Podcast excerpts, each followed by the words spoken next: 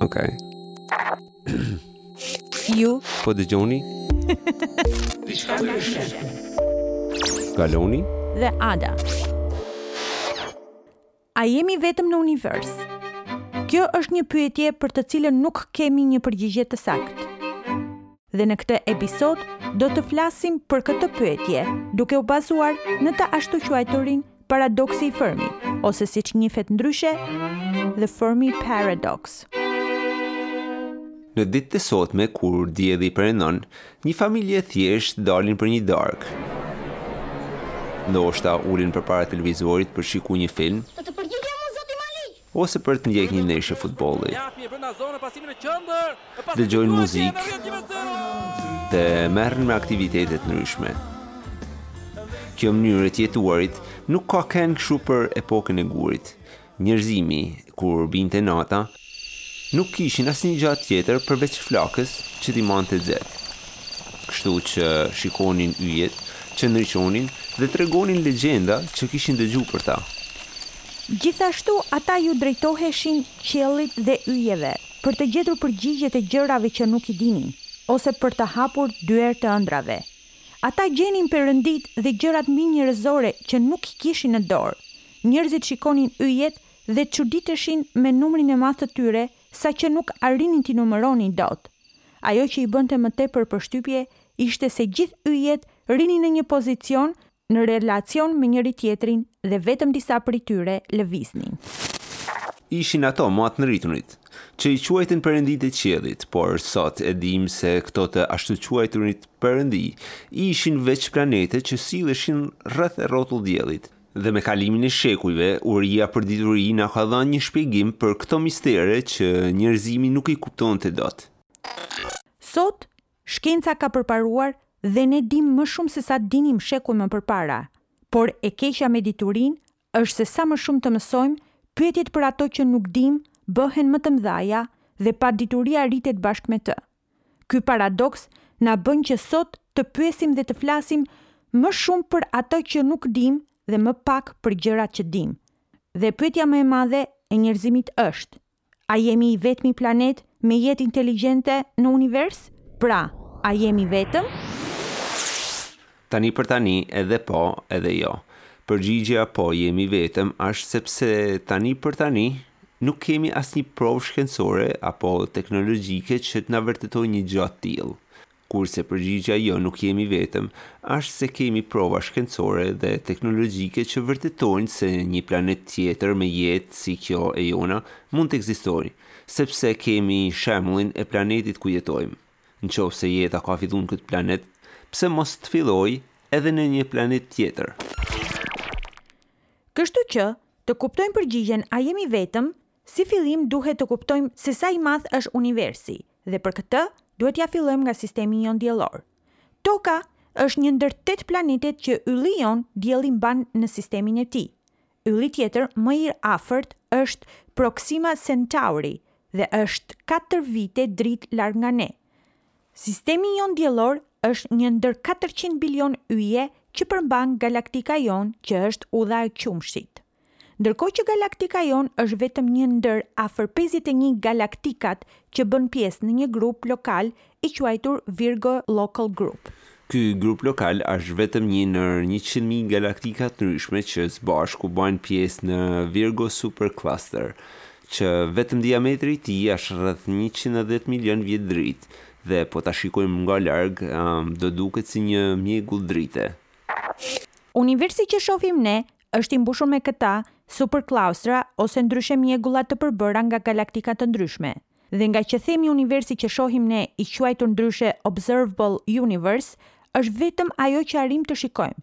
Distanca rreth e rrotull nesh është një bilion vite dritë dhe nga këtu nuk arrijmë të shikojmë më tutje. Kjo ndodh sepse drita nuk ka arritur tek ne akoma për të parë se çfarë ka mbas saj. Kurse tani na duhet të kuptojmë se sa planete duhet të ketë në univers. Nëse dojmë të gjejmë këtë, përpara na duhet të dijmë se sa yje ka. Atë që dijmë është se numri i tyne është aq i madh sa që po ta fillojmë që ta shkruajmë, nuk do ta dijmë kurrë se ku i marojnë zerot. dhe për çdo yll dimë që ka të paktën një, dy ose ma shumë planete. Për ta thjeshtu, ka ma shumë yje në univers se sa po të marrim gjitha grimcat e ranës në botë dhe për çdo grimcë rane të ketë ma shumë se njëqind mijë yje. Tash që krijuam një ide se sa të vegjël jemi, të kthehemi te kërkimet tona për jetën inteligjente.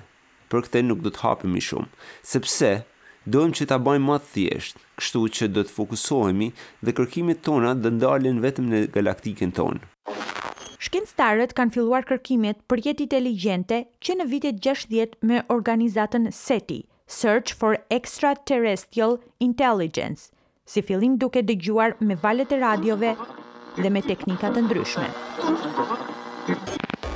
Megjithëse kërkimet vazhdojnë, akoma nuk kemi gjetur një provë të tillë. Edhe pse gjashtëdhjetë vite kërkime janë shumë për ne, kjo nuk do të thotë që kemi kërkuar shumë, sepse duke u krahasuar me madhësinë e galaktikës sonë, Është njëlloj sikur të shkojmë në oqean.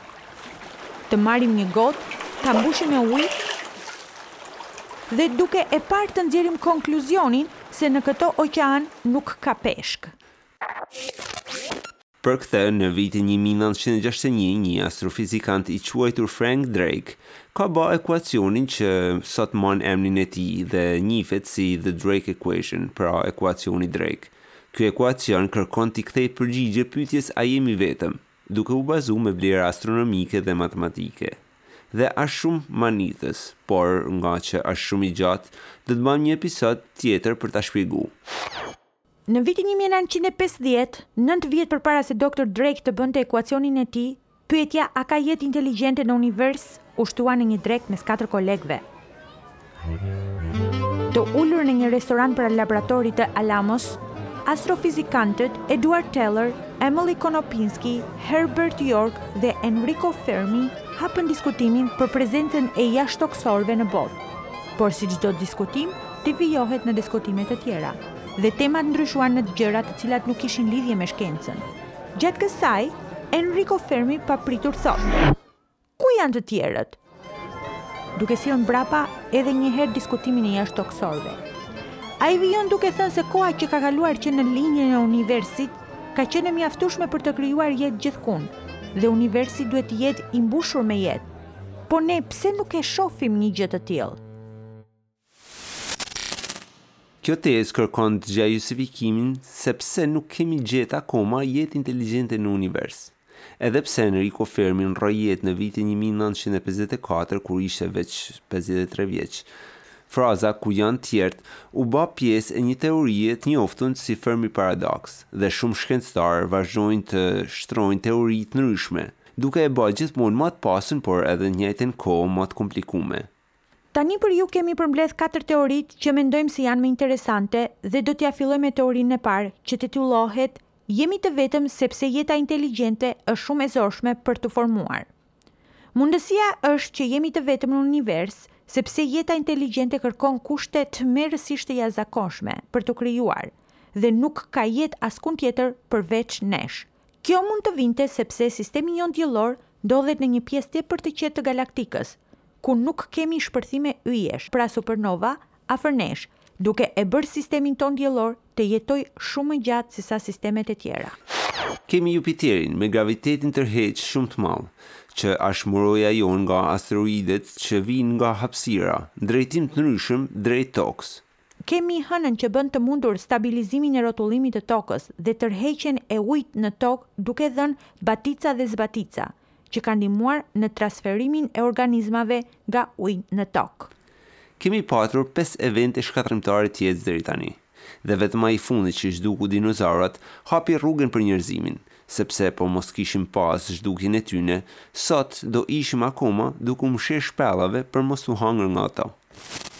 Eventet shkatërrimtare kanë ndodhur dhe do të ndodhin gjithmonë, por ne nuk e dimë se kur.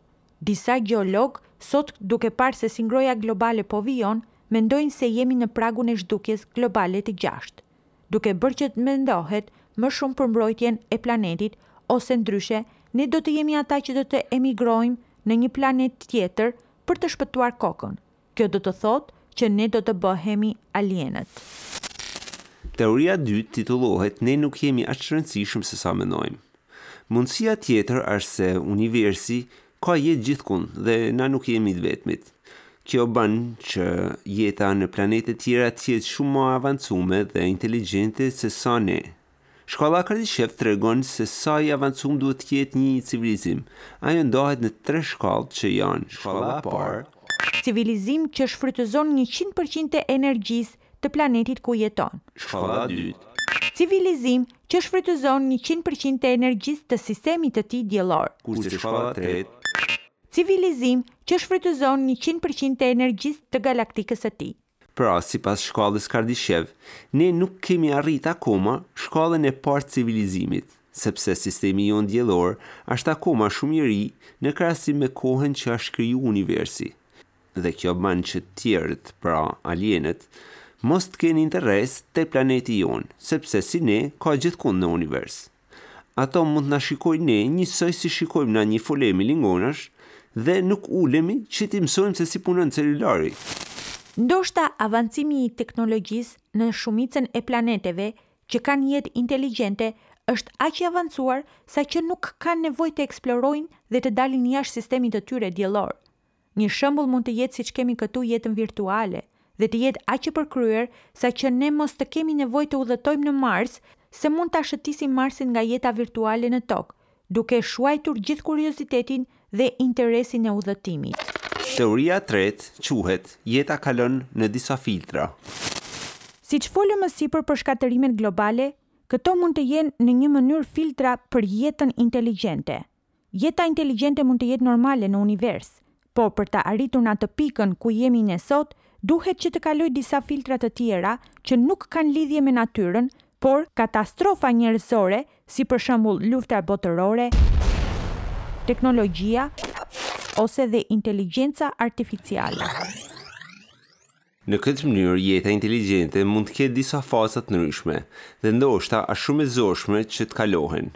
Ne nuk e dimë akoma a kemi kalu atë filtër apo e kemi përpara. Për shembull, teknologjia e bombave atomike është e mjaftueshme që të shujnë gjithë planetin tonë duke ba që njerëzimi mos të ekzistojë ma, ose teknologjia të avancojë njaq shumë saqë ne të jemi shërbysit e tij. Këto filtra mund të bëjnë që jeta të shfaqet shumë shpesh në univers, por nuk arrijnë kurrë të shkojnë në atë nivel avancimi që të dali jashtë sistemit të tyre diellor.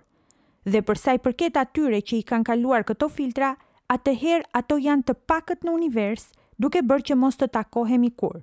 Është njëlloj sikur të nisim një buburecë nga Shqipëria në Amerikë dhe të pretendojmë që të jetë në kohë për takim.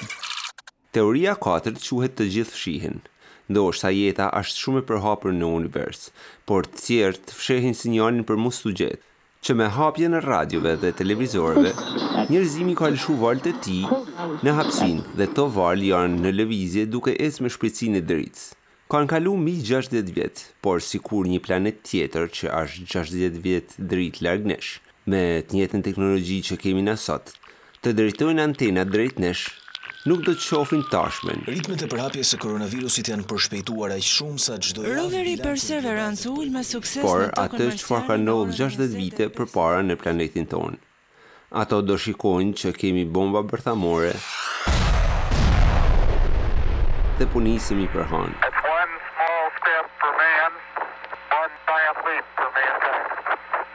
Le të supozojmë sikur të ndryshonim planetet dhe të ishim ne ata që po shikonim. atëherë do të mendonin që atij planet, pra Tokës, po i vjen fundi dhe të gjithë duan të ikin. Gjithashtu, ky planet është në krizë dhe nuk ke leverdi që t'i afrohesh sepse janë qenie të egra. Ideja për t'u fshehur është interesante, sepse kjo tregon që të tjerët mund të dinë atë që ne nuk dimë.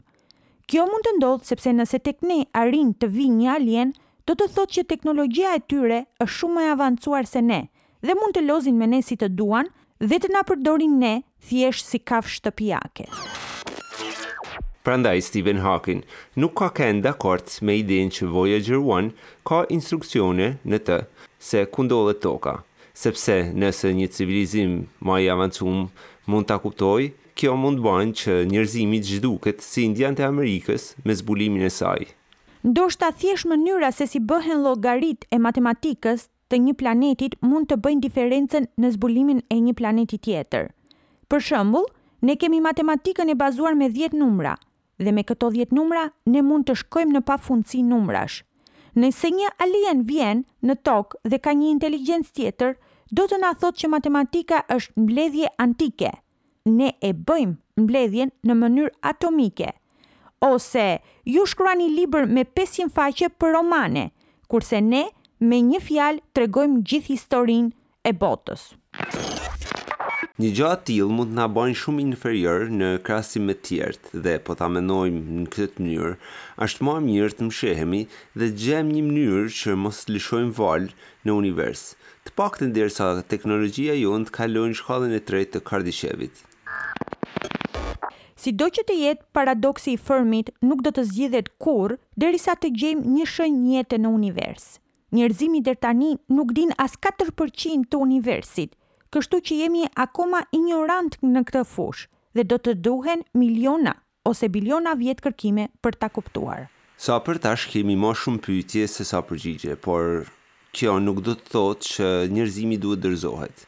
Shumica e teknologjisë që kemi sot dhe nuk i japim rëndësi aspak, siç është GPS-i, celulari, interneti, kompjuteri dhe shumë gjana të tjera, Kanë ardhë nga shkenca që kërkon këto përgjigje dhe dëshira për t'shkel kamë aty ku nuk ka shkel kamë njeriu deri më sot, ban që sa ma të mëdhaja dhe të zorshme të jenë këto kërkime, aq ma shumë do të avancojmë duke përmirësu jetën në tokë. Mos të harrojmë që çdo gjë që lind ka për të jetuar. por vjen me një datë skadence, kështu që edhe planetit tonë një ditë ose një tjetër do t'i vijë fundi dhe njeriu do të zhduket bashkë me të. Por njerëzimit nuk do t'i falet një gjë e tillë. Ne nuk jemi dinosaurat, që nuk e dinin mundësinë e zhdukjes ose mbijetesës. Nëse jemi të vetmit në univers, atëherë është e pafalshme që mos të jemi ne ato që hapin jetën. Të Në të njëjtën kohë, edhe nëse ka plot jetë në univers, kjo do të na bajnë më të lehtë transferimin tonë në një botë tjetër. Mundësia për të lëvizur nuk është komoditet, por nevojë për mbijetesë.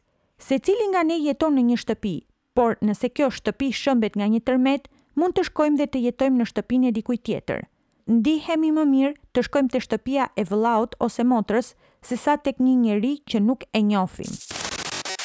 Prandaj, nëse diçka e keqe do t'i ndodhte planetit tonë, do të jetë më mirë të kemi mundësi që të shkojmë në një planet tjetër, që është me njerëz si ne, sesa të zhdukemi nga alienët ose të përfundojmë në një vend që do të na trajtojnë si të hujt. Përpara se të mbyllim episodin, menduam që të shtojmë një pjesë që Carl Sagan ka shkruar për planetin tonë, e quajtur Pale Blue Dot, në shqip Pikëza e zbehtë blu. Në fakt, ky është titulli i një fotografie që i është ba Tokës me katërmbëdhjetë shkurt të vitit një mijë e nëntëqind e nëntëdhjetë nga Voyager One dhe është marrë nga gjashtë bilion kilometra larg. ku në këtë fotografi toka është vetëm një pikë e vogël blu dhe në qoftë se nuk e ke mendjen, nuk e shikon dot.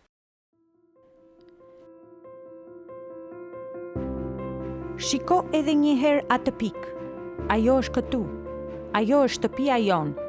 Në të, gjithkush që ju dashuroni, gjithkush që ju njihni, gjithkush që ju keni dëgjuar, i secilit person që këtu ishte, jetoi jetën e tyre. Përmbledhja e kënaqësive dhe vuajtjeve, mijëra besimeve, ideologjive, të doktrinave ekonomike.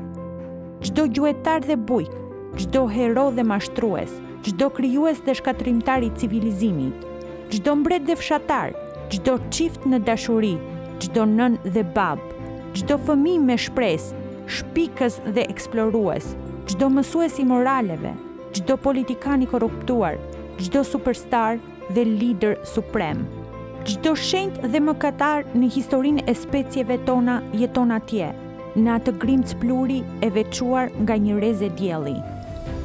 Toka është një skenë shumë e vogël e arenës të pafundshme kozmike. Mendo lumenjtë me gjak që u hodhën nga gjeneralët dhe perandorët, Që ashtu me lavdi dhe triumfe të bëhen master të momentit te një pike. Mendo për mizoritë e pafundshme të vizitorëve dhe banues e njëri krah të kësaj pike i bëjnë në krahu tjetër. Sa shpesh moskuptimet e tyre, sa të etur për të vrarë njëri tjetrin, sa e zjarrtë që nga urrejtja. Sjellja jonë, imagjinata jonë e vetërëndësisë, deluzioni që ne kemi një privilegj në univers. vështirësitë tona nga kjo dritë e zbehtë. Planeti jonë është një pikëz e vetmuar e mbështjellur nga thellësia kozmike. Në errësirën tonë, nga e gjithë kjo pafundësi, nuk ka një krah që të na ndihmojë nga vetvetja. Por aq sa dimë, Toka është e vetmja botë që mban jetë. Nuk ka kund tjetër, të paktën deri në të ardhmen e largët, që specia jonë të emigrojë. Të vizitojmë? Po! Të jetojmë, akoma jo. T'ju pëlqejë apo jo, bota është i vetmi vend ku mund të rrimë. Është thënë se astronomia është e përulur për eksperiencën krijimtare të karakterit, por mbase është shembulli më i mirë për marrëzitë dhe mendjemadhësitë njerëzore që ky imazh i largët i kësaj bote të vogël, për mua, nënvizon përgjegjësinë që marrëveshjet i kemi më të sjellshme me njëri-tjetrin dhe ta ruajmë dhe ta çmojmë këtë pikëz blu të zbehtë. e vetmja shtëpi që kemi njohur ndonjëherë.